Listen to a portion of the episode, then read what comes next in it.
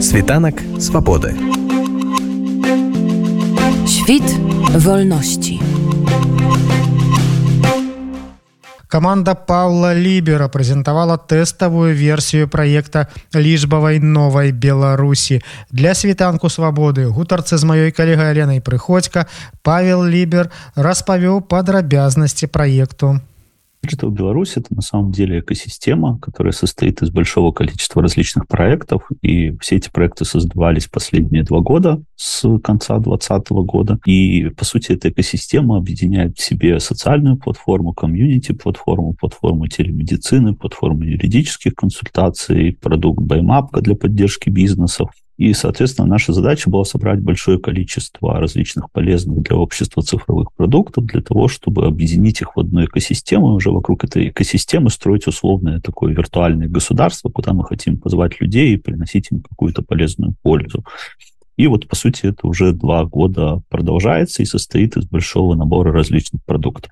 Ну што тычыцца напрыклад прадукта віртуальнай медыцыны альбо віртуальных юрыдычных паслуг прынамсі калі вы іх запускалі яны былі досыць запатрабаванымі і вы тады рассказывалі аб тым што ну відавочна ідзе рост і колькасці наведвальнікаў і удзельнікаў скажитеце калі ласка вось за гэты час гэтага тэставага перыяда дагэтуль ці змянілася нешта у гэтым сэнсе Нет, на самом деле эти продукты достаточно стабильно растут и развиваются. Например, в телемедицинском продукте уже около 150 врачей, около 15 тысяч пациентов. Это, мы уже называем это самостоятельный медицинский центр. И вот сейчас как раз в рамках вот э, платформы всей «Новая Беларусь» мы собираемся начать связывать людей не только в онлайне, но и в офлайне. Потому что когда мы набираем достаточно большое количество людей на платформу, мы понимаем, что, например, там в Польше есть тысяча врачей и там десятки тысяч белорусов, и это значит, что они могут в Польше встречаться не только в онлайне, но и физически. Врач может человека принять, осмотреть, выписать ему электронный рецепт, а у пациента не будет в данном случае языкового барьера, потому что это врач, который хоть и легализован в Польше, но он говорит с ним на одном языке. И вот по мере набора аудитории на платформу мы можем простраивать все большее количество таких горизонтальных связей, и за счет этого развивать наши, наши платформы, и не только наши платформы, мы с радостью делаем партнерство со всеми полезными инициативами,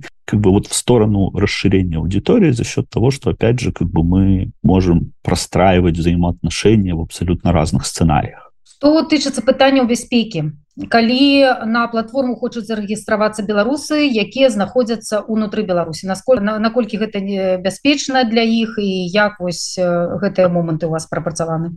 Ну, на сегодняшний момент когда проект запущен в тестовом режиме это пока что пилотный запуск он в ближайшие 3-4 месяца мы тестируем его вместе с аудиторией мы вообще не собираем никаких персональных данных. Единственное, о чем мы просим человека, это электронную почту, и то мы явно пишем, чтобы он не использовал электронную почту, в которой могут быть его персональные данные. Несмотря на то, что даже эту информацию мы не верим, что хоть кто-то может украсть, но, в принципе, да, чтобы уже полностью себя обезопасить, можно просто использовать там почту без данных. В будущем, когда будут происходить какие-то серьезные события национального масштаба, например, общереспубликанский референдум в цифровом пространстве, мы будем использовать персональные данные человека, но в данном случае мы будем использовать технологии, которые позволяют их децентрализованно хранить так, чтобы человек сам владел этими данными и решал, кому он их предоставляет. То есть мы как платформа не будем иметь доступа к этим данным, и у нас не будет никакого центрального реестра данных, который можно взломать или украсть. По сути, это будет полностью децентрализованное хранение, потому что мы понимаем, что в условиях современной Беларуси любая точка атаки, где, где будут храниться персональные данные людей на платформе,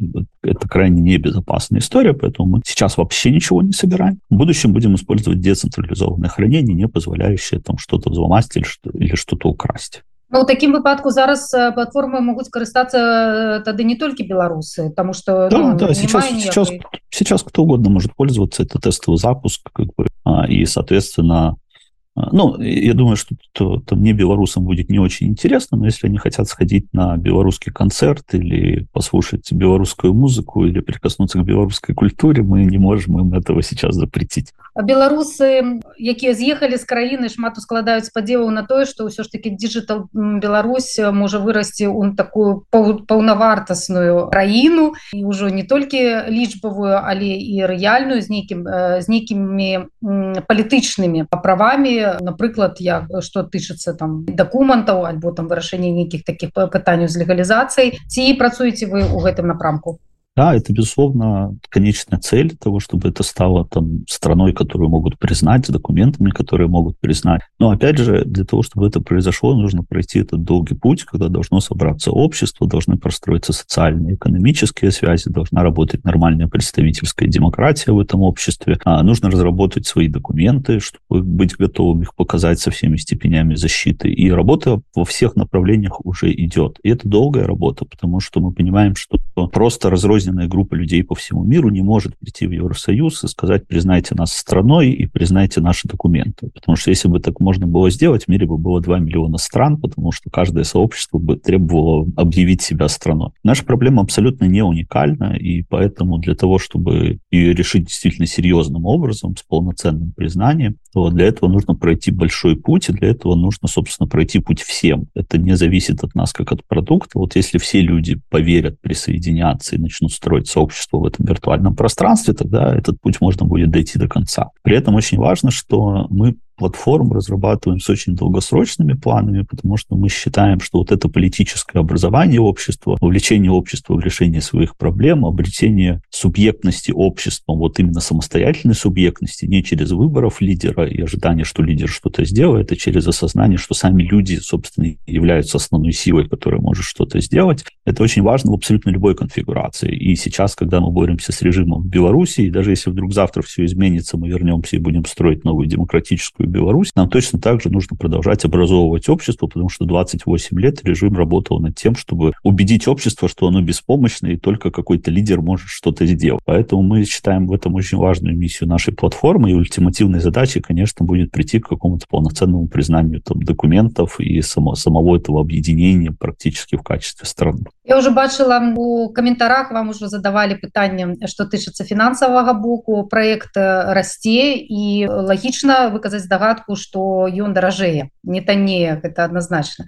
Распавядзіце калі ласка распавядзіце калі ласка фінансавы складнік гэтай пакуль что не не камерцыйнай гісторыі да это это не коммерческая история сейчас. Безусловно мы будем стараться ее сделать коммерческой мы будем искать способы монетизации потому что вот эта первая версия продукта, которую мы запустили, вот, собственно, весь технологический продукт полностью сделан на абсолютно частные деньги, частное время, мы не привлекали никакие гранты, мы хотели оставить эту историю только белорусской. Но мы понимаем, что это не может длиться бесконечно, потому что проект большой, проект дорогой, по мере его расширения и запуска в различных странах он будет расти и дорожать, поэтому мы будем искать способы монетизации в двух направлениях, даже в трех. Ну, первое направление мы уже запустили. Любой человек может там опционально там, сделать донат на платформе, сказать нам спасибо таким образом.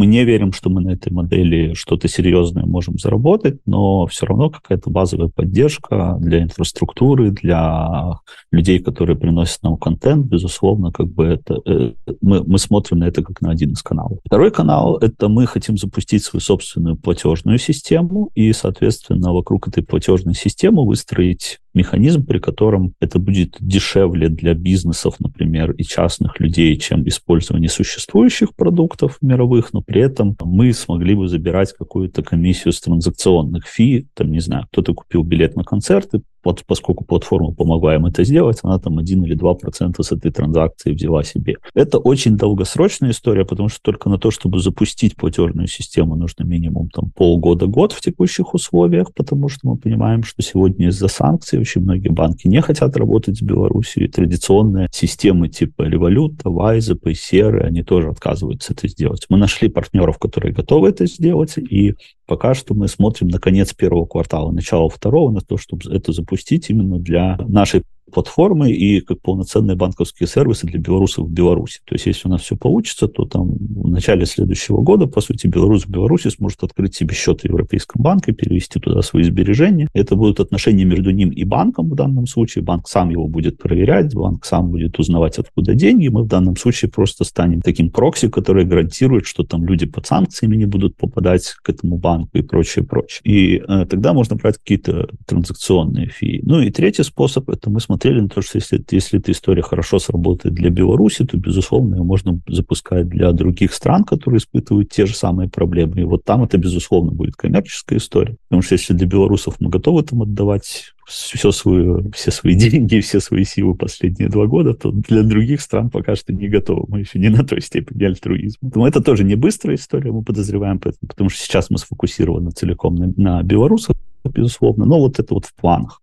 Поэтому сегодня это как бы риск. У нас есть там запас денег на то, что чтобы там ближайшие 6 там, месяцев, может, даже больше, там все работало хорошо, но дальше у нас либо будет замедляться скорость разработки, либо мы будем искать инвестиции, либо мы будем э, запускать какие-то из этих способов монетизации. То есть сейчас это выглядит таким образом.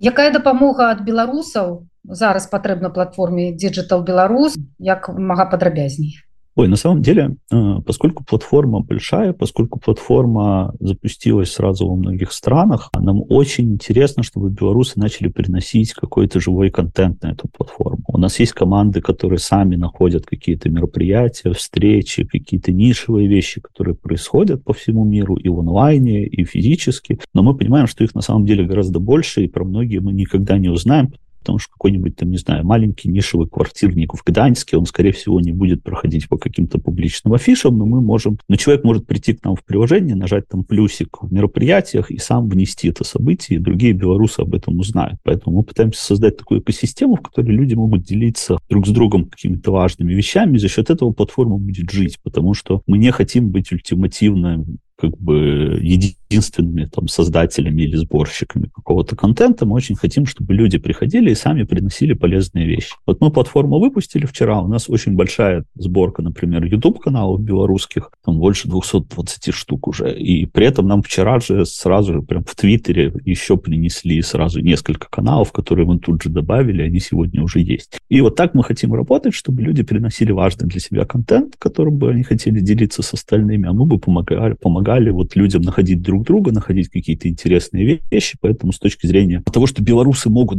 наполнять эту платформу, все механизмы для этого есть. Можно добавлять события, можно добавлять встречи, можно уже добавлять э, онлайн-сервисы полезные, потому что их тоже создается очень много. И вот, вот э, для нас очень важно, чтобы люди приходили и начинали это делать. Світанак свабоды. Świt wolności.